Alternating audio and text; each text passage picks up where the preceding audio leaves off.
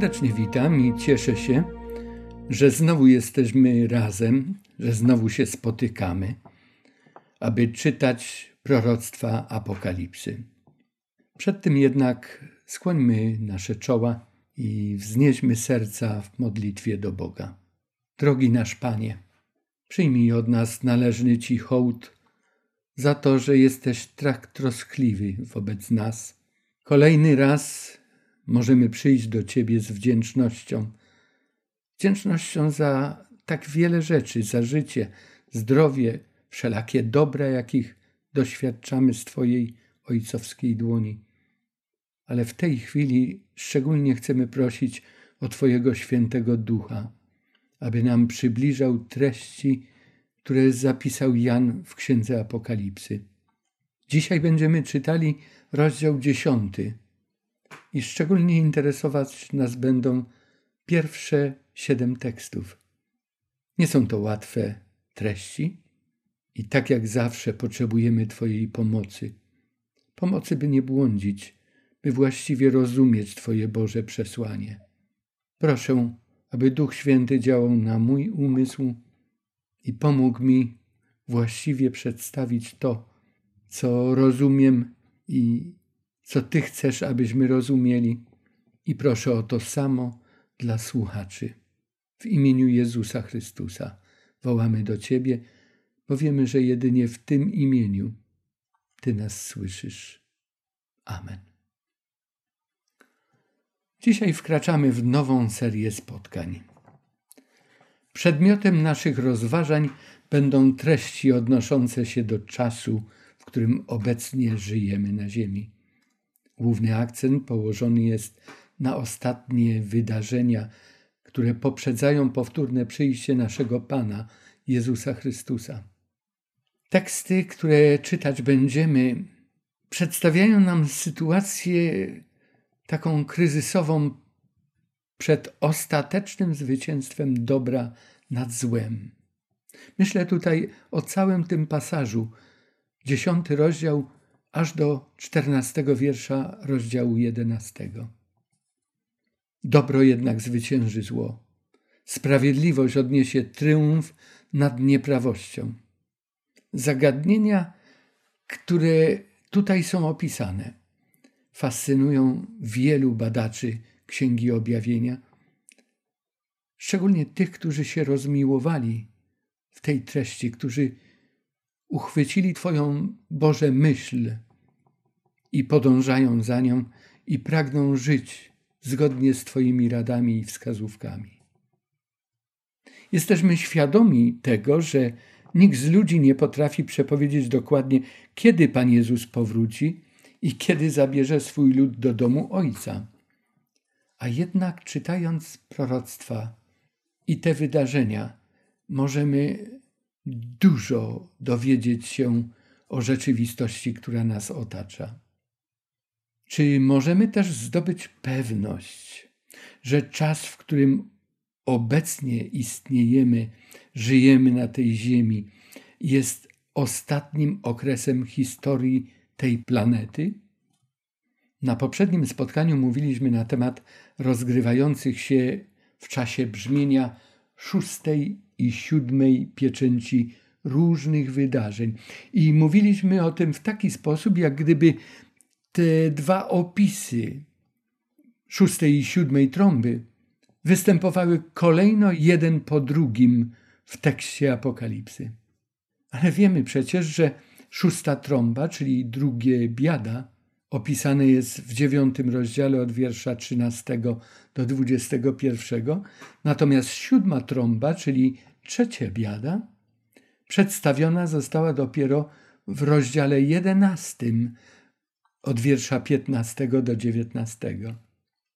Wobec tego, jakie treści zawiera ten dzielący je pasaż? Cały dziesiąty rozdział i do wiersza 14 w rozdziale 11.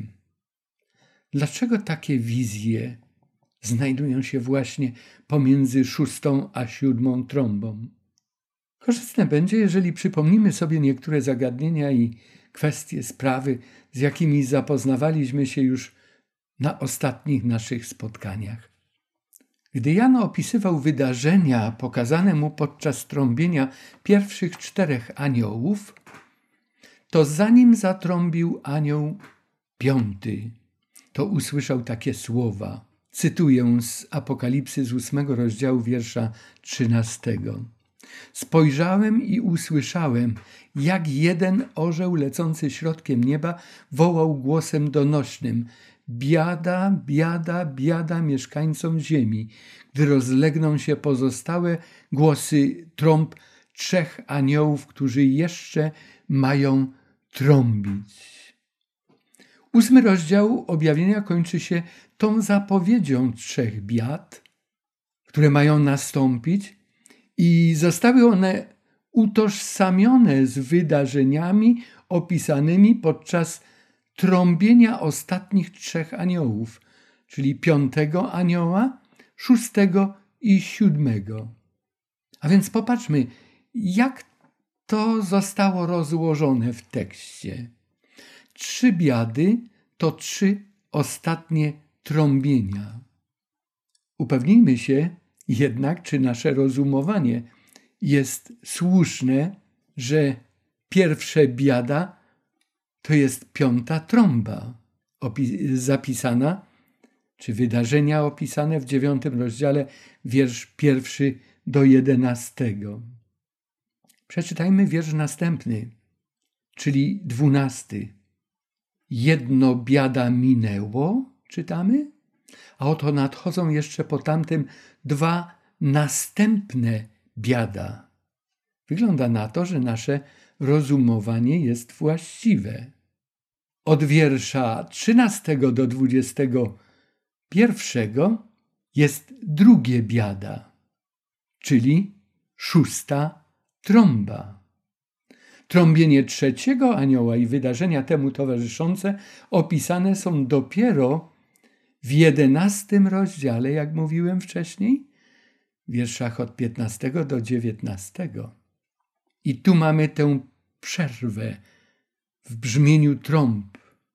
I tu wpasowany przez Boga zostaje ten tekst i te treści Apokalipsy, 10 rozdział, wiersz pierwszy do 11 rozdziału i wiersza 14, w zasadzie 13, bo 14 to już jest pewna narracja po trąbie siódmej. Jakie miejsce zajmuje ten interesujący tekst? Co się ma dziać w tym czasie? Jest to dodatkowy opis wydarzeń, które następują pomiędzy szóstą a siódmą trąbą. Z tym już kiedyś spotkaliśmy się, omawiając sprawę pieczęci.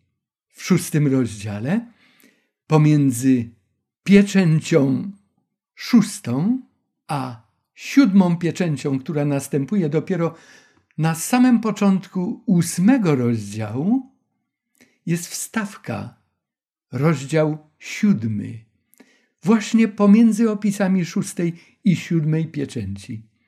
On też dostarcza odpowiedzi na pytanie zadane w szóstym rozdziale i w wierszu siedemnastym. Któż się ostać może? Ostać w obliczu nadchodzącego Chrystusa, sądu Bożego. Właśnie w tym dziesiątym rozdziale i w pierwszych tekstach jedenastego rozdziału pokazany jest lud Boży, Boży Kościół, przechodzący przez różnego rodzaju doświadczenia w czasie na krótką chwilę przed powtórnym przyjściem Jezusa Chrystusa. A teraz przypomnijmy sobie, bo wierzę, że odrobiliśmy to zadanie domowe i to, o czym mówimy, to jest tylko przypomnienie. Przypomnijmy sobie treść tego dziesiątego rozdziału pierwszych siedmiu tekstów. Zanim je zobaczymy na ekranie, to powiedzmy sobie jeszcze to wyraźnie. Treści opisane w rozdziale dziesiątym od wiersza pierwszego do jedenastego rozdziału wiersza trzynastego czasowo przynależą do szóstej trąby, czyli do drugiego biada.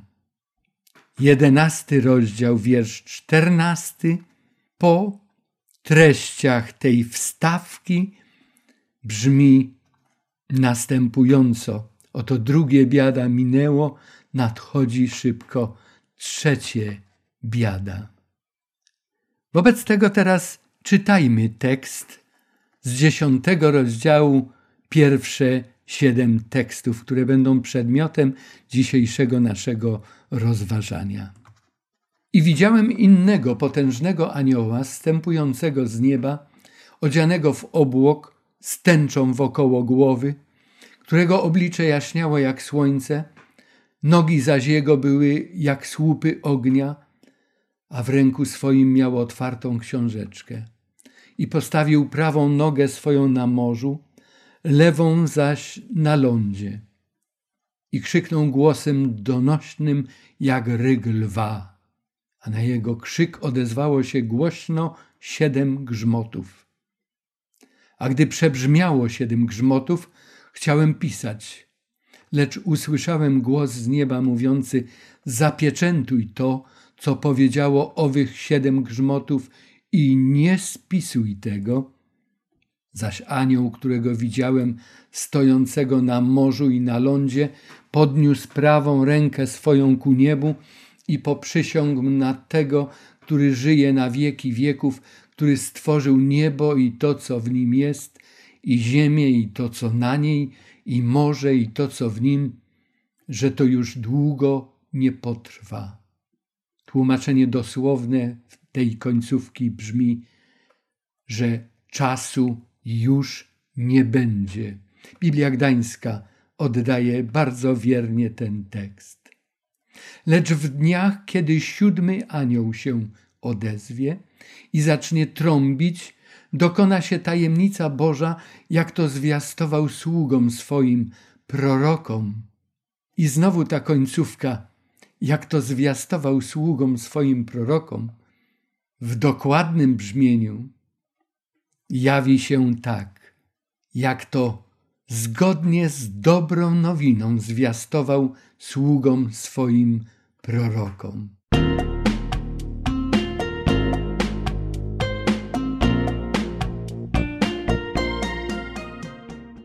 A więc utrwalmy sobie jeszcze raz to miejsce Apokalipsy 10-11 rozdziału w treści księgi, w całym kontekście. Podobnie jak rozdział 7, 17 tekstów, liczący wyrasta na tle wydarzeń opisanych w szóstej pieczęci. Tak też treść, którą mamy w tytule, jest ściśle połączona z szóstą trąbą z niej wynika i do niej się odnosi. Jest tu przedstawiony szczególnie ważny czas działalności i doświadczeń ludu Bożego żyjącego w czasie końca. W tym samym czasie ludzie bezbożni będą przeżywać swoje doświadczenia. Doświadczenia opisane w szóstej trąbie. Będzie to dla nich też ostatnia szansa rozstania się z mocami ciemności i powrotu do Boga. Jest to szczególny czas.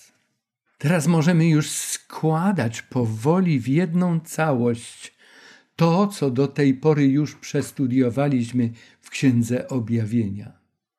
Według dziewiątego rozdziału i piętnastego wiersza z Apokalipsy jest to czas uwolnienia czterech aniołów nad rzeką Eufrat.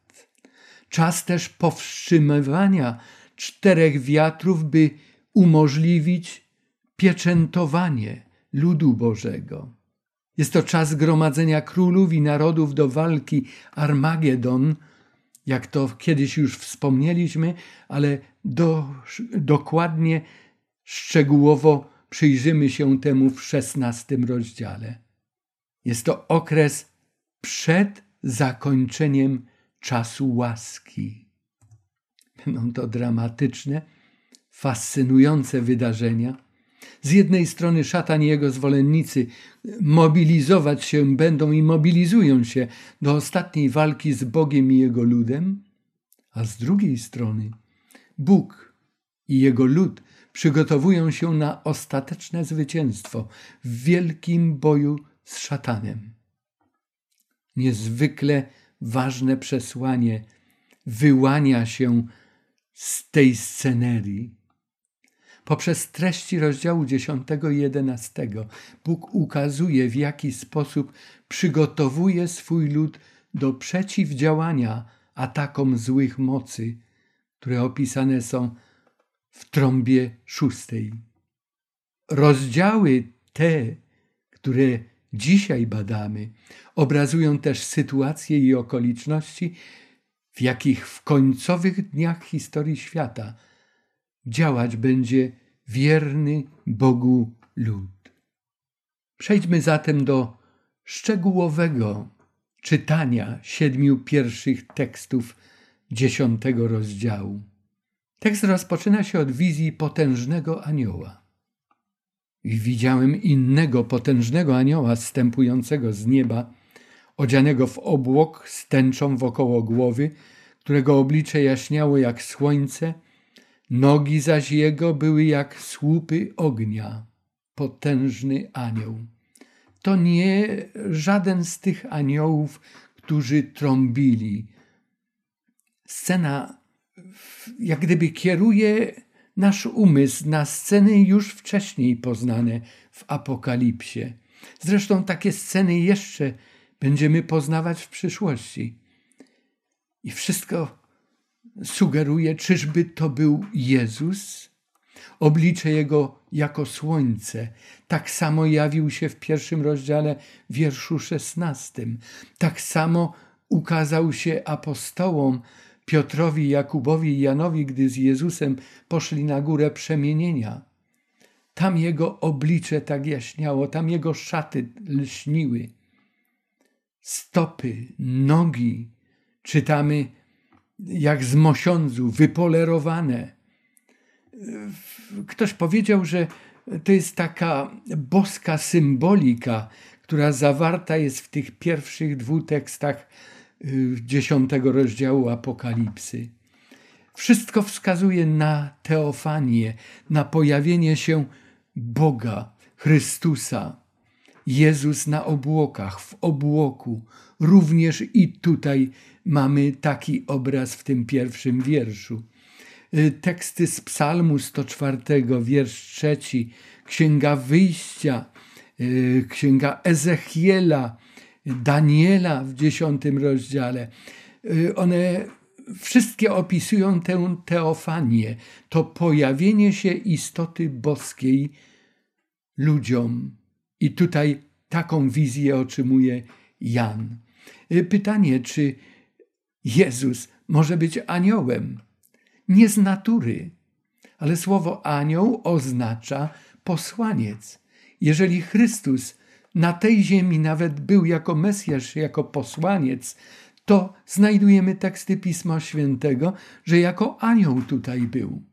Podobnie było w spotkaniu z Abrahamem. Podobnie było w spotkaniu z Mojżeszem, wcześniej Jakubem. Zamiennie Bóg i anioł, te określenia tam e, się e, pojawiają. Tęcza. Tęcza jest znakiem przymierza, Boga z człowiekiem. Oczywiście my tutaj nie mamy do czynienia z rzeczywistością jakąkolwiek, z dosłownym opisem czegoś, co znajdujemy na tej ziemi. Wszystko jest zamknięte w symbolu. Jakie to ma znaczenie? Symboliczne, ale kogo przedstawia? Jeszcze raz powtórzmy: scena przypomina Jezusa i opis przekazania objawienia. Również tak się rozpoczyna objawienie. Ojciec przekazuje Jezusowi te prawdy, Jezus swemu aniołowi, anioł Janowi, Jan przekazuje to nam. W Starym Testamencie Bóg Jahwe tak się właśnie objawiał, o czym te teksty z Księgi Wyjścia, z Psalmu, z Ezechiela czy Daniela świadczą. Tak Jezus na górze przemienienia się e, pokazał swoim uczniom. Jest to Bóg, który jest stworzycielem, Bóg, który jest na tronie, jest to Bóg przymierza.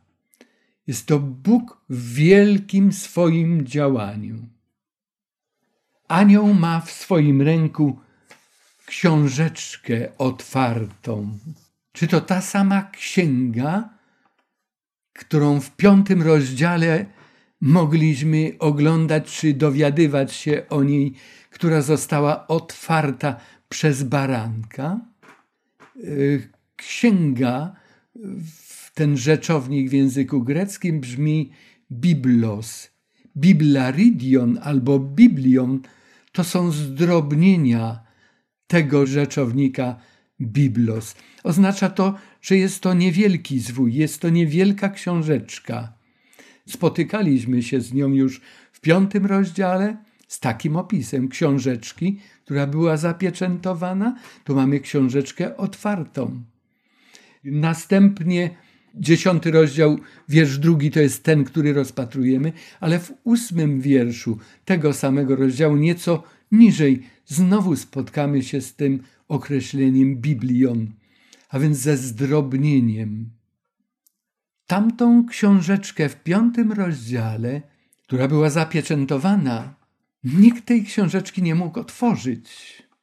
Pojawia się jednak Jezus Chrystus, który jest godzien, jedynie On, dlatego że umarł, dlatego że stał się naszym odkupicielem, dlatego że objawił nam boską miłość, dlatego że zwyciężył zło i szatana.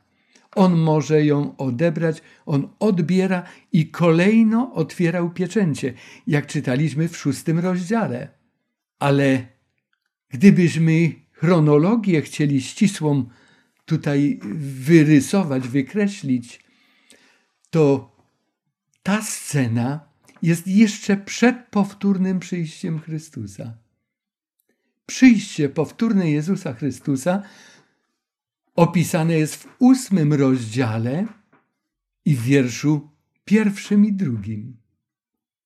A więc przed przyjściem Chrystusa ta książeczka, niektórzy stoją na tym stanowisku i mocno stoją, jeszcze nie jest otworzona, bo Chrystus jeszcze nie przyszedł.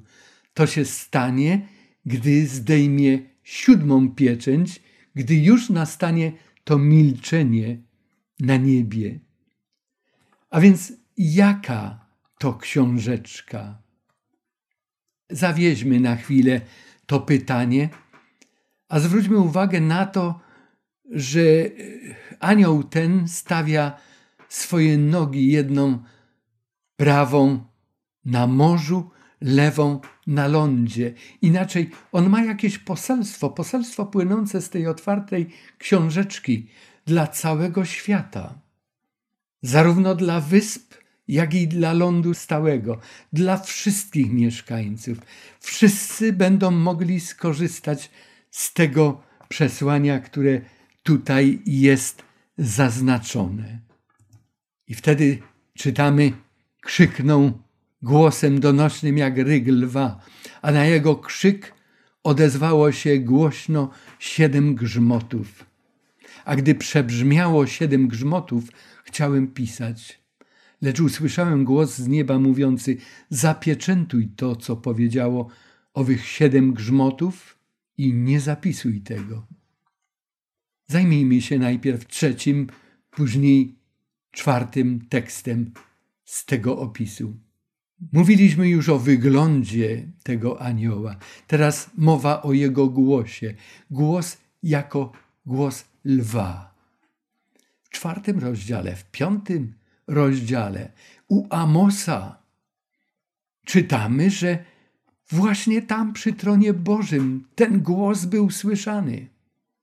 I zawsze w kontekście wydarzeń, które miały następować, zawsze w kontekście prorokowania, proroctwa, które miało być przekazane. I tutaj jawi się siedem grzmotów w czwartym wierszu. Co to jest siedem grzmotów?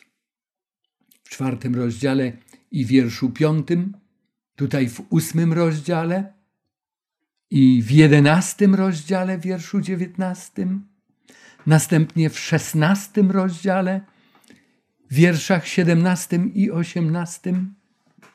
Gdziekolwiek spojrzymy, nie mówiąc już o wielu tekstach starotestamentowych, gdziekolwiek Bóg działa, gdziekolwiek Bóg przemawia, to jest potężny głos. Głos jak głos lwa.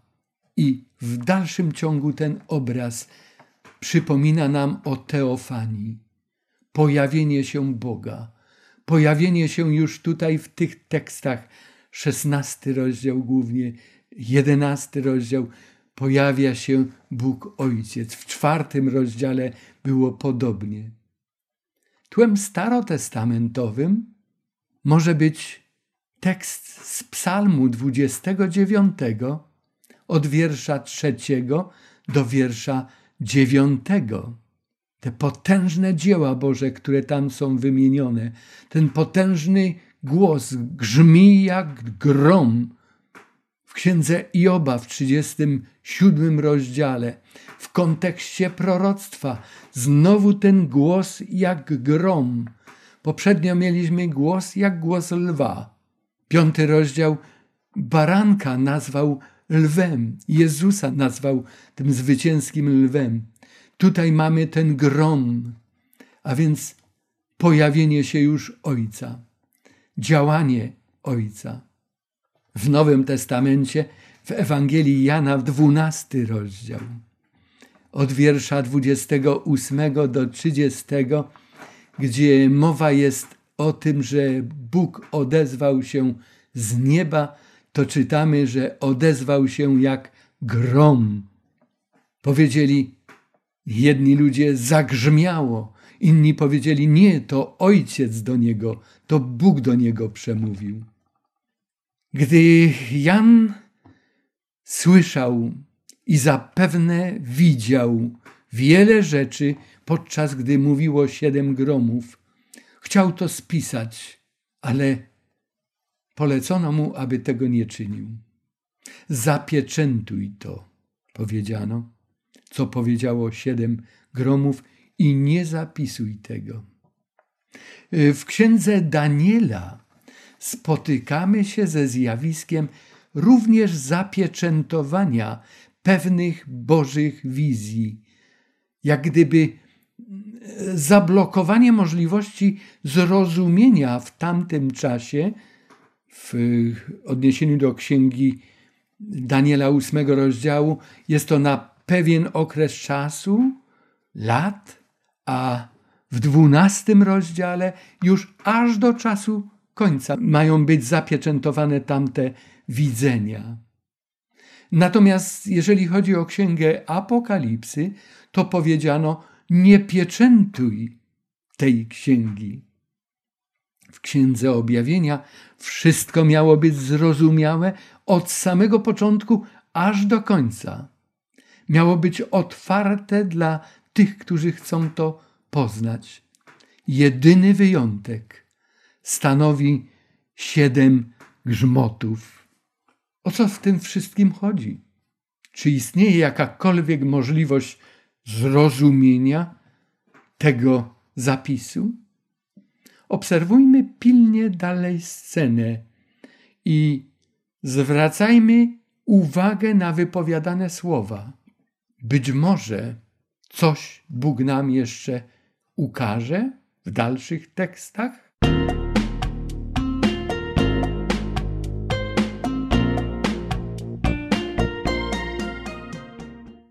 Kolejny kadr z tej sceny, jaką Jan ogląda z aniołem, jest opisany w piątym i szóstym wierszu.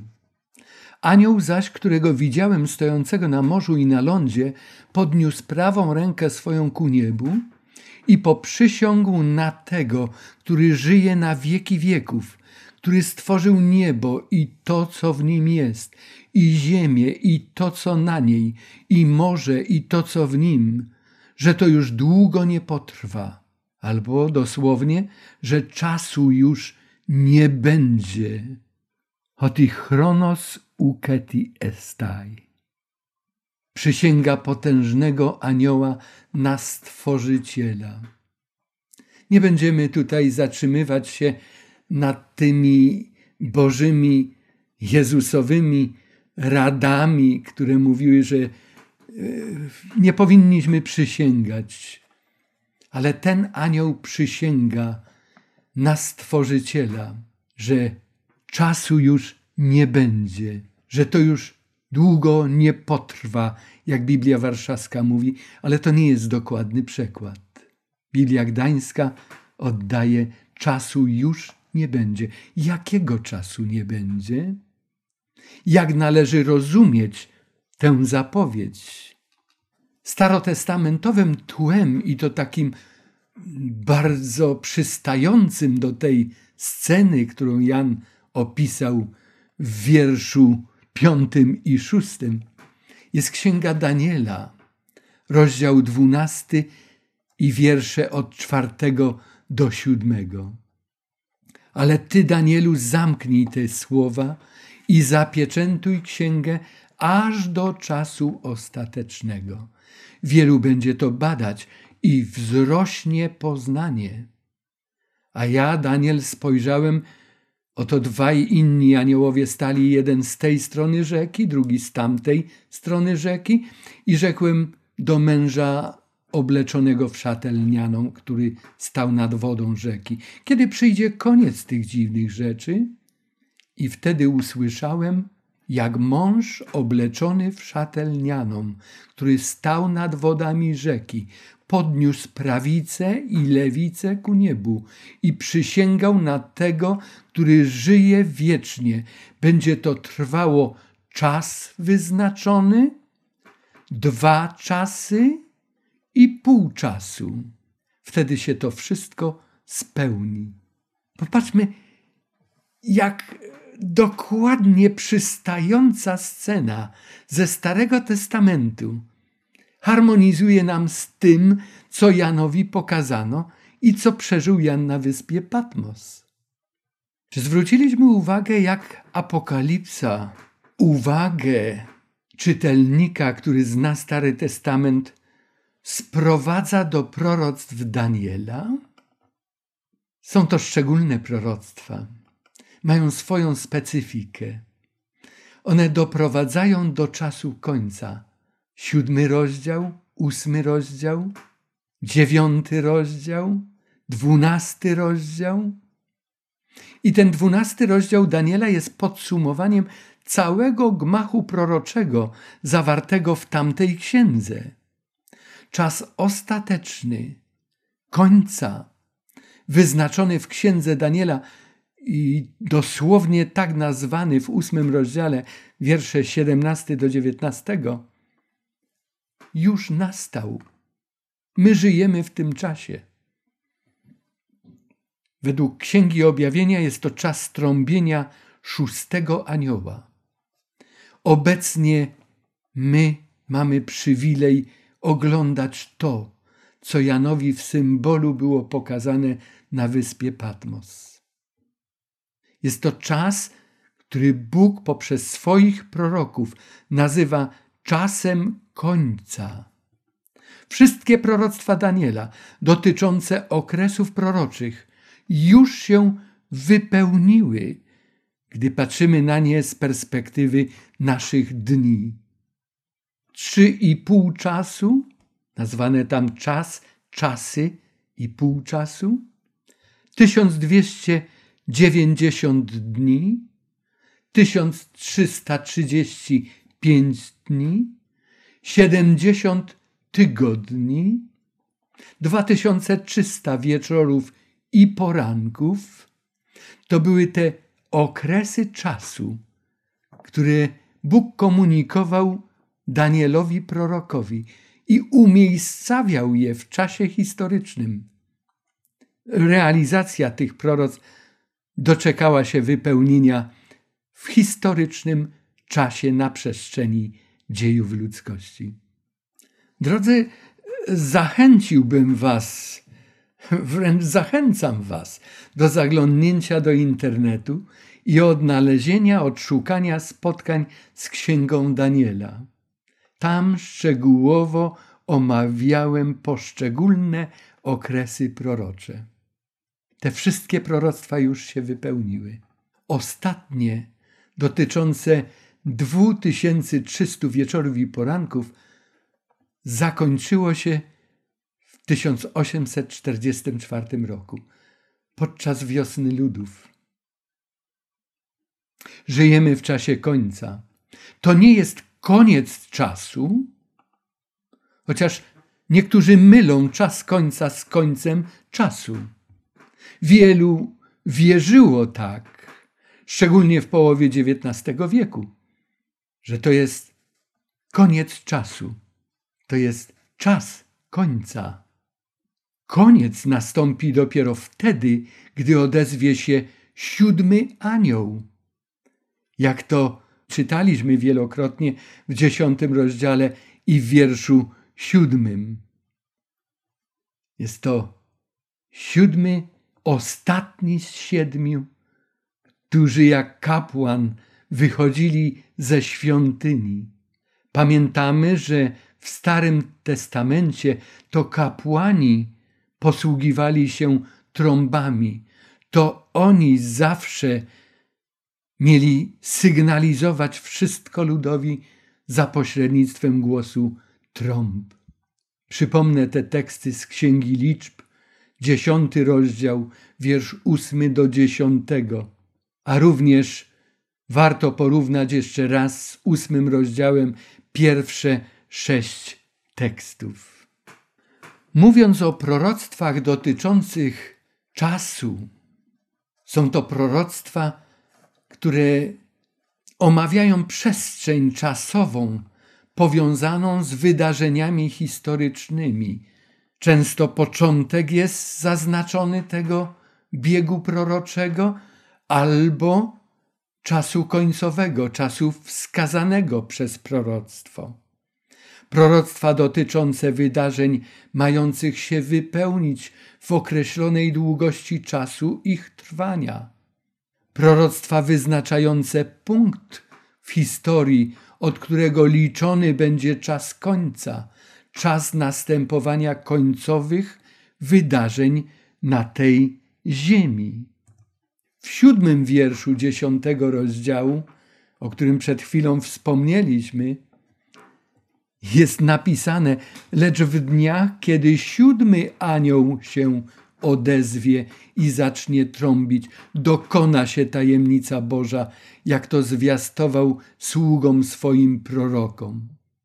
Co to jest tajemnica Boża?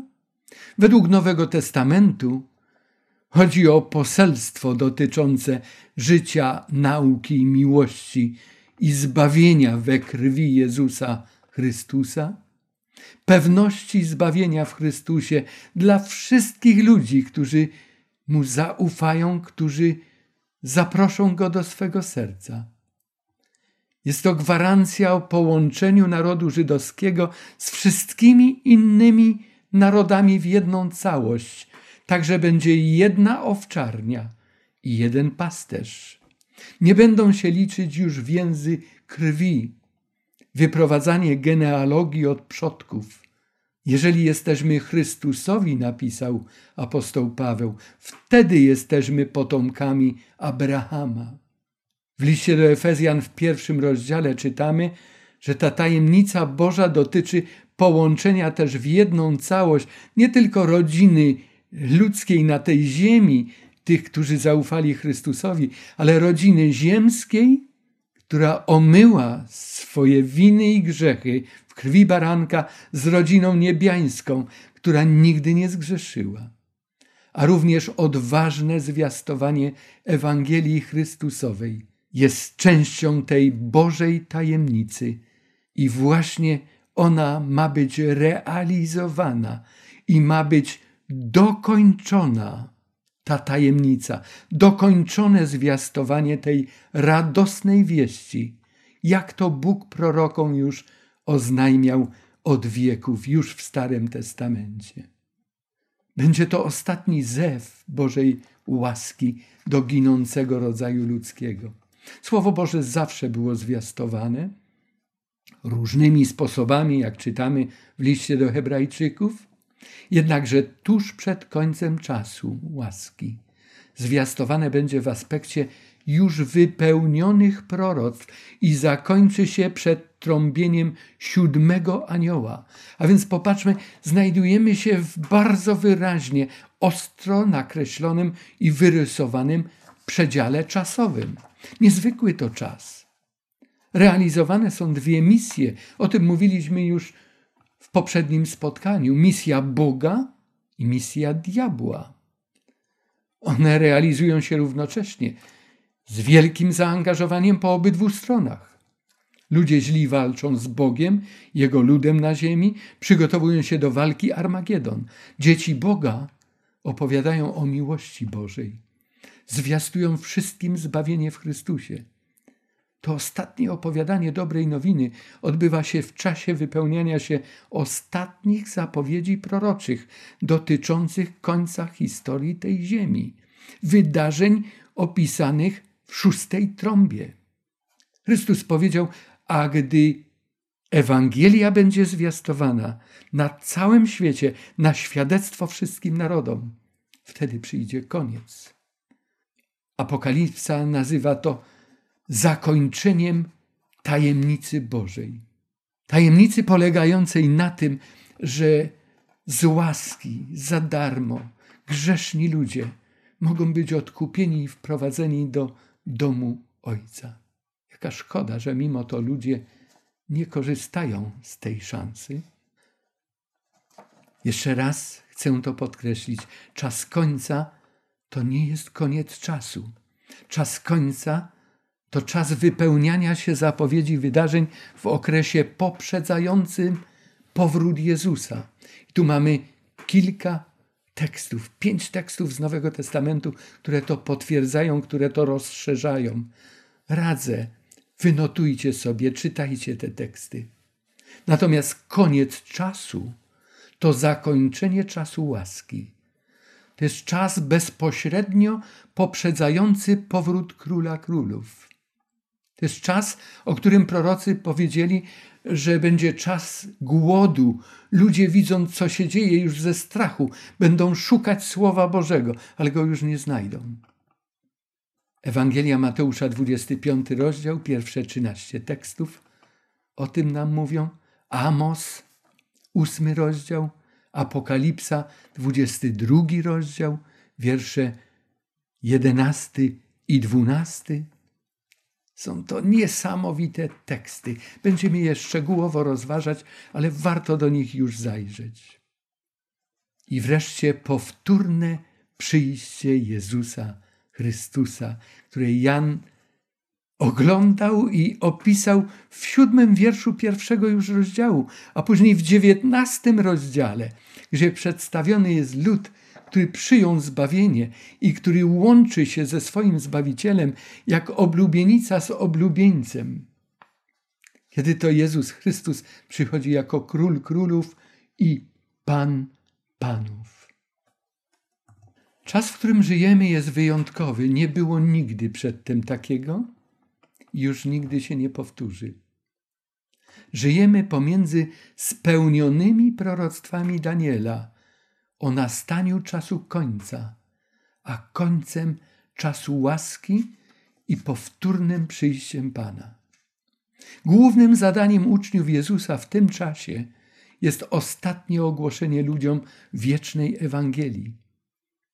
Obecnie żyjemy w czasie pomiędzy zapowiedzią, że czasu już nie będzie, a dniami, kiedy siódmy anioł się odezwie i zacznie trąbić.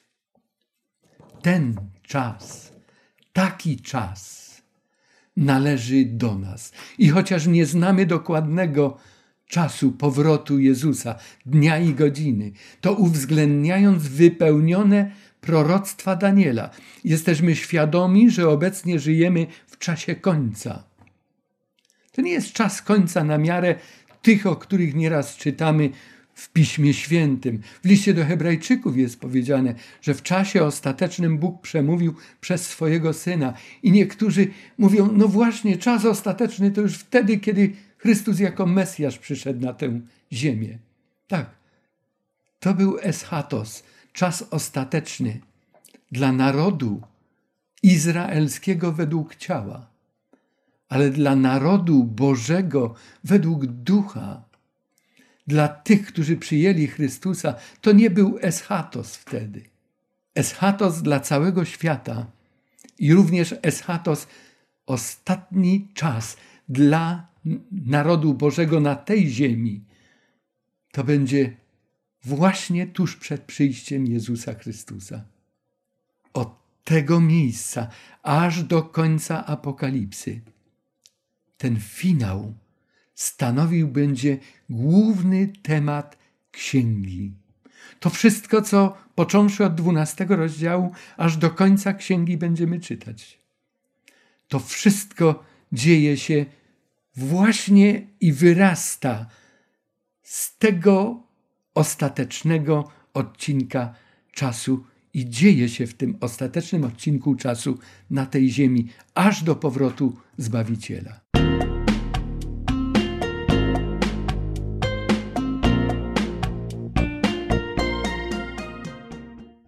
Jak wykorzystamy ten czas i naszą znajomość Ewangelii? Czy są jakieś duchowe lekcje, które wynikają z tych faktów? Życie jest zawsze sprawą bardzo poważną, ale życie w czasie końca jest czymś szczególnym, czymś bardzo uroczystym. Świadomość tej rzeczywistości zobowiązuje. Bóg zawsze przypominał człowiekowi o bliskości, o krótkości czasu. Czas bliski jest. On chce, by indywidualnie też każdy człowiek poważnie potraktował swoje własne zbawienie.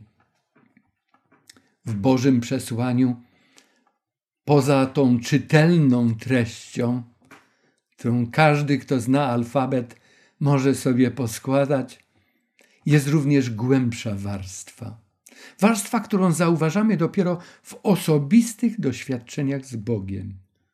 To właśnie ta bliskość z Nim powoduje, że znacznie lepiej pojmujemy i przyjmujemy przesłanie zawarte w Jego słowie.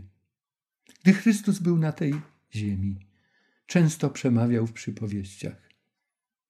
I uczniowie zadali mu kiedyś pytanie: Dlaczego to czynisz? I on im wyjaśnił, bo istnieją dwie grupy ludzi. Tacy, którzy traktują to słowo i to, co usłyszeli, nawet z ust samego Chrystusa. Od jednym uchem wleciało, drugim wyleciało. Ciekawie mówił tak, a o czym? A nie pamiętam. I są też słuchacze, którzy słuchają, a jeżeli czegoś nie rozumieją, dopytują się, szukają na innych miejscach w Piśmie Świętym i Bóg im to objawia to właśnie dla tych szczerych poszukiwaczy prawd Bożych i Boga jest zbawienie. Kiedyś uczniowie myśleli, że śmierć Jezusa, Jego zmartwychwstanie, w niebo wstąpienie i zesłanie Ducha Świętego to koniec świata. Że zniszczenie Jerozolimy to koniec świata. Jezus im powiedział: Nie, to nie jest koniec, jeszcze nie teraz. Zanim to nastąpi, ludziom powinniście przekazać radosną nowinę o zbawieniu. Z tymi słowami Chrystus rozstał się ze swoimi uczniami kiedyś, gdy w niebo wstąpił. Historia lubi się powtarzać. Podobnie było z ruchem millerowskim. Niektórzy mówią, że to kościół adwentystów ustanawiał datę przyjścia Chrystusa na 10 października 1844 roku. Nie, kochani, Kościoła Adwentystów Dnia Siódmego jeszcze nie było. To był ruch millerowski. To był ruch ludzi, którzy przejęli się tekstami proroczymi, badali proroctwa księgi Daniela, sięgali nawet częściowo do apokalipsy. Byli tak przejęci tą treścią, którą zrozumieli, że uważali, szczególnie gdy przeczytali te słowa, czasu już nie będzie, że to już jest koniec, Chrystus przychodzi. Myśleli, że wypełnienie się proroctwa Daniela miało doprowadzić świat do jego końca. Tak się tym przejęli, że przeoczyli treść wiersza siódmego z tego samego rozdziału. Lecz w dniach, kiedy siódmy anioł się odezwie i zacznie trąbić, dokona się tajemnica Boża, jak to zwiastował sługom swoim prorokom. Nie w czasie trąbienia szóstego anioła, nie w czasie tego tumultu, jaki obserwujemy na tej ziemi, nie w czasie zwalczania Boga i Jego Ewangelii, nie w czasie głoszenia Ewangelii, jest koniec wtedy, gdy siódmy anioł zacznie trąbić. Bóg również i w tym przypadku zaplanował czas na ostatnie zwiastowanie wiecznej Ewangelii mieszkańcom Ziemi. Adwentyści rozumieją, że są ostatnimi kontynuatorami, nie jedynymi, wyraźnie to podkreślam, ale ostatnimi kontynuatorami opowiadania Ewangelii wiecznej na ziemi. Zwiastują, jak często o tym słyszymy, poselstwo trzech aniołów z Apokalipsy 14 rozdziału, od wiersza 6 do 12. Później już od wiersza 14, w tym 14 rozdziale, opisane jest żniwo, a to jest powtórne przyjście Chrystusa. Ci, którzy byli w ruchu millerowskim, korzystali z Biblii króla Jakuba. I tam w tej Biblii króla Jakuba znowu, tak jak my to mamy w przekładzie Biblii Gdańskiej, one mniej więcej w tej samej epoce powstały te przekłady. Tam czytali, że czasu już nie będzie. Warto uważnie czytać Pismo Święte.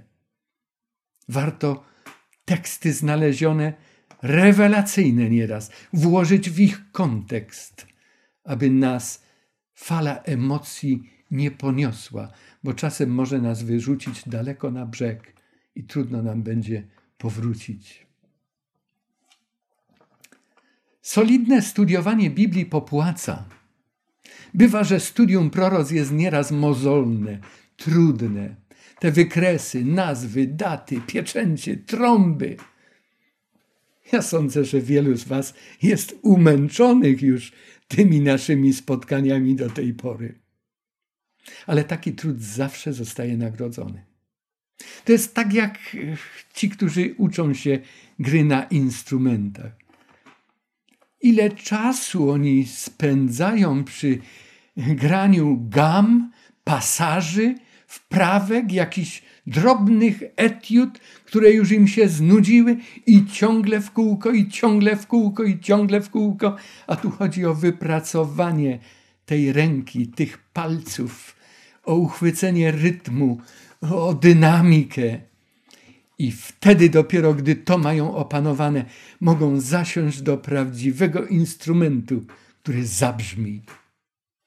Pamiętam, gdy pracowałem w Łodzi, tam było dwóch młodzieńców.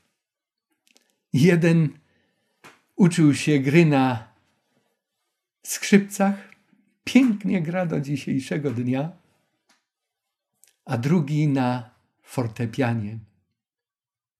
Gdy zasiadał do fortepianu, to ja miałem wrażenie, jak gdyby grał na organach. Mówię, Ryszard, jak ty to robisz? On powiedział, Bóg mi dał dziesięć palców. A więc ja gram wszystkimi dziesięcioma. Niektórzy grają tylko dwoma, czterema. Mówi, ale ja mam dziesięć palców. Ja sądzę, że to, cośmy poznali do tej pory, warto by może do niektórych wykładów, spotkań wrócić, aby sobie coś przypomnieć, ażeby z czymś skojarzyć, bo teraz w tych następnych spotkaniach to będzie owocowało. Zobaczymy, jak piękna jest apokalipsa. To był trud. Podziwiam Was, że wytrzymaliście ale ci, którzy chcą znać Słowo Boże, spotkają się z nagrodą. Zobaczą piękno tego słowa. Ewangelia przekazana przez Zbawcę, który zna nasze potrzeby, jeśli jest umieszczona w kontekście poznanych proroctw, jest łatwiej i właściwie rozumiana, a także chętniej zwiastowana, bo my wiemy, co zwiastujemy, co na jaki czas, jakie to ma znaczenie. Nie galopujemy, co jest częstym grzechem zwiastunów Ewangelii, którzy jej nie poznali do końca i nie pozwolili jej działać w swoim życiu. Łaska i miłość Boga stają się nie tylko zrozumiałe, ale pożądane przez każdego pilnego ucznia Jezusa. Chrystus powiedział apostołom: idźcie i czyńcie uczniami wszystkie narody. Usiądźmy w tej szkole Chrystusa, uczmy się Go słuchać, uczmy się chodzić tak, jak On nas prowadzi. Nie zapominajmy też, że autorytetem ostatniego orędzia o zbawieniu, które zwiastujemy ludziom, nie jesteśmy my, ani Kościół, do którego przynależymy? Jest sam Pan Jezus. Jakie to cudowne, że możemy z Nim współpracować. Wiemy, że nikt z ludzi nie potrafił przepowiedzieć, kiedy dokładnie Pan Jezus powróci, by zabrać swoich naśladowców do domu Ojca. Jednakże właściwe zrozumienie wypełnionych proroctw sprawia, że obecnie możemy mieć pewność tego, że żyjemy w ostatnim odcinku historii naszej planety. Nie wiemy tylko jednego dnia i godziny, ale wiemy, że to jest ten czas. Kochani, to, co najwspanialsze, jest jeszcze wciąż przed nami. Tak w rzeczywistości, jak też i w naszych spotkaniach ze Słowem Bożym, która nam oznajmi tę przyszłość, nie zapominając o teraźniejszości. Podziękujmy Bogu za to nasze spotkanie. Umiłowany Boże i Panie nasz, dziękujemy Ci za Księgę Objawienia Dziękujemy za Twoich proroków. Dziękujemy za Ducha Świętego, z którego natchnienia te zapisy powstały i Ducha Świętego, który nas prowadzi. I dzisiaj odczuwaliśmy to prowadzenie. To pomóż nam, abyśmy nie tylko rozumieli to słowo, ale abyśmy stali się częścią tego dzieła. Zdecydowanie mocno stanęli po Twojej stronie i chociaż zło zdaje się, że triumfuje na każdym kroku, daj abyśmy nigdy nie zapomnieli, że ono chyli się do straszliwej tragedii, do przepaści. My stoimy po zwycięskiej stronie, bo baranek, który zwyciężył, jest naszym wodzem. Dziękujemy Ci, drogi Chryste, za Twoje zbawienie. Dziękuję Ci za każdego słuchacza i proszę, abyś go błogosławił, ją błogosławił, ich domy, rodziny. Proszę o to w imieniu Pana Jezusa Chrystusa. Amen. Dziękuję Wam, drodzy, za udział w dzisiejszym spotkaniu. Do usłyszenia. Kolejne spotkanie zatytułowałem Zwój albo Księga i Świątynia. Proszę, abyśmy doczytali też dziesiąty rozdział do końca i łączmy już z lekturą rozdziału jedenastego. Te nasze spotkania będą tak płynnie przeprowadzały nas przez te dwa rozdziały. Niech Bóg ma Was w swojej opiece.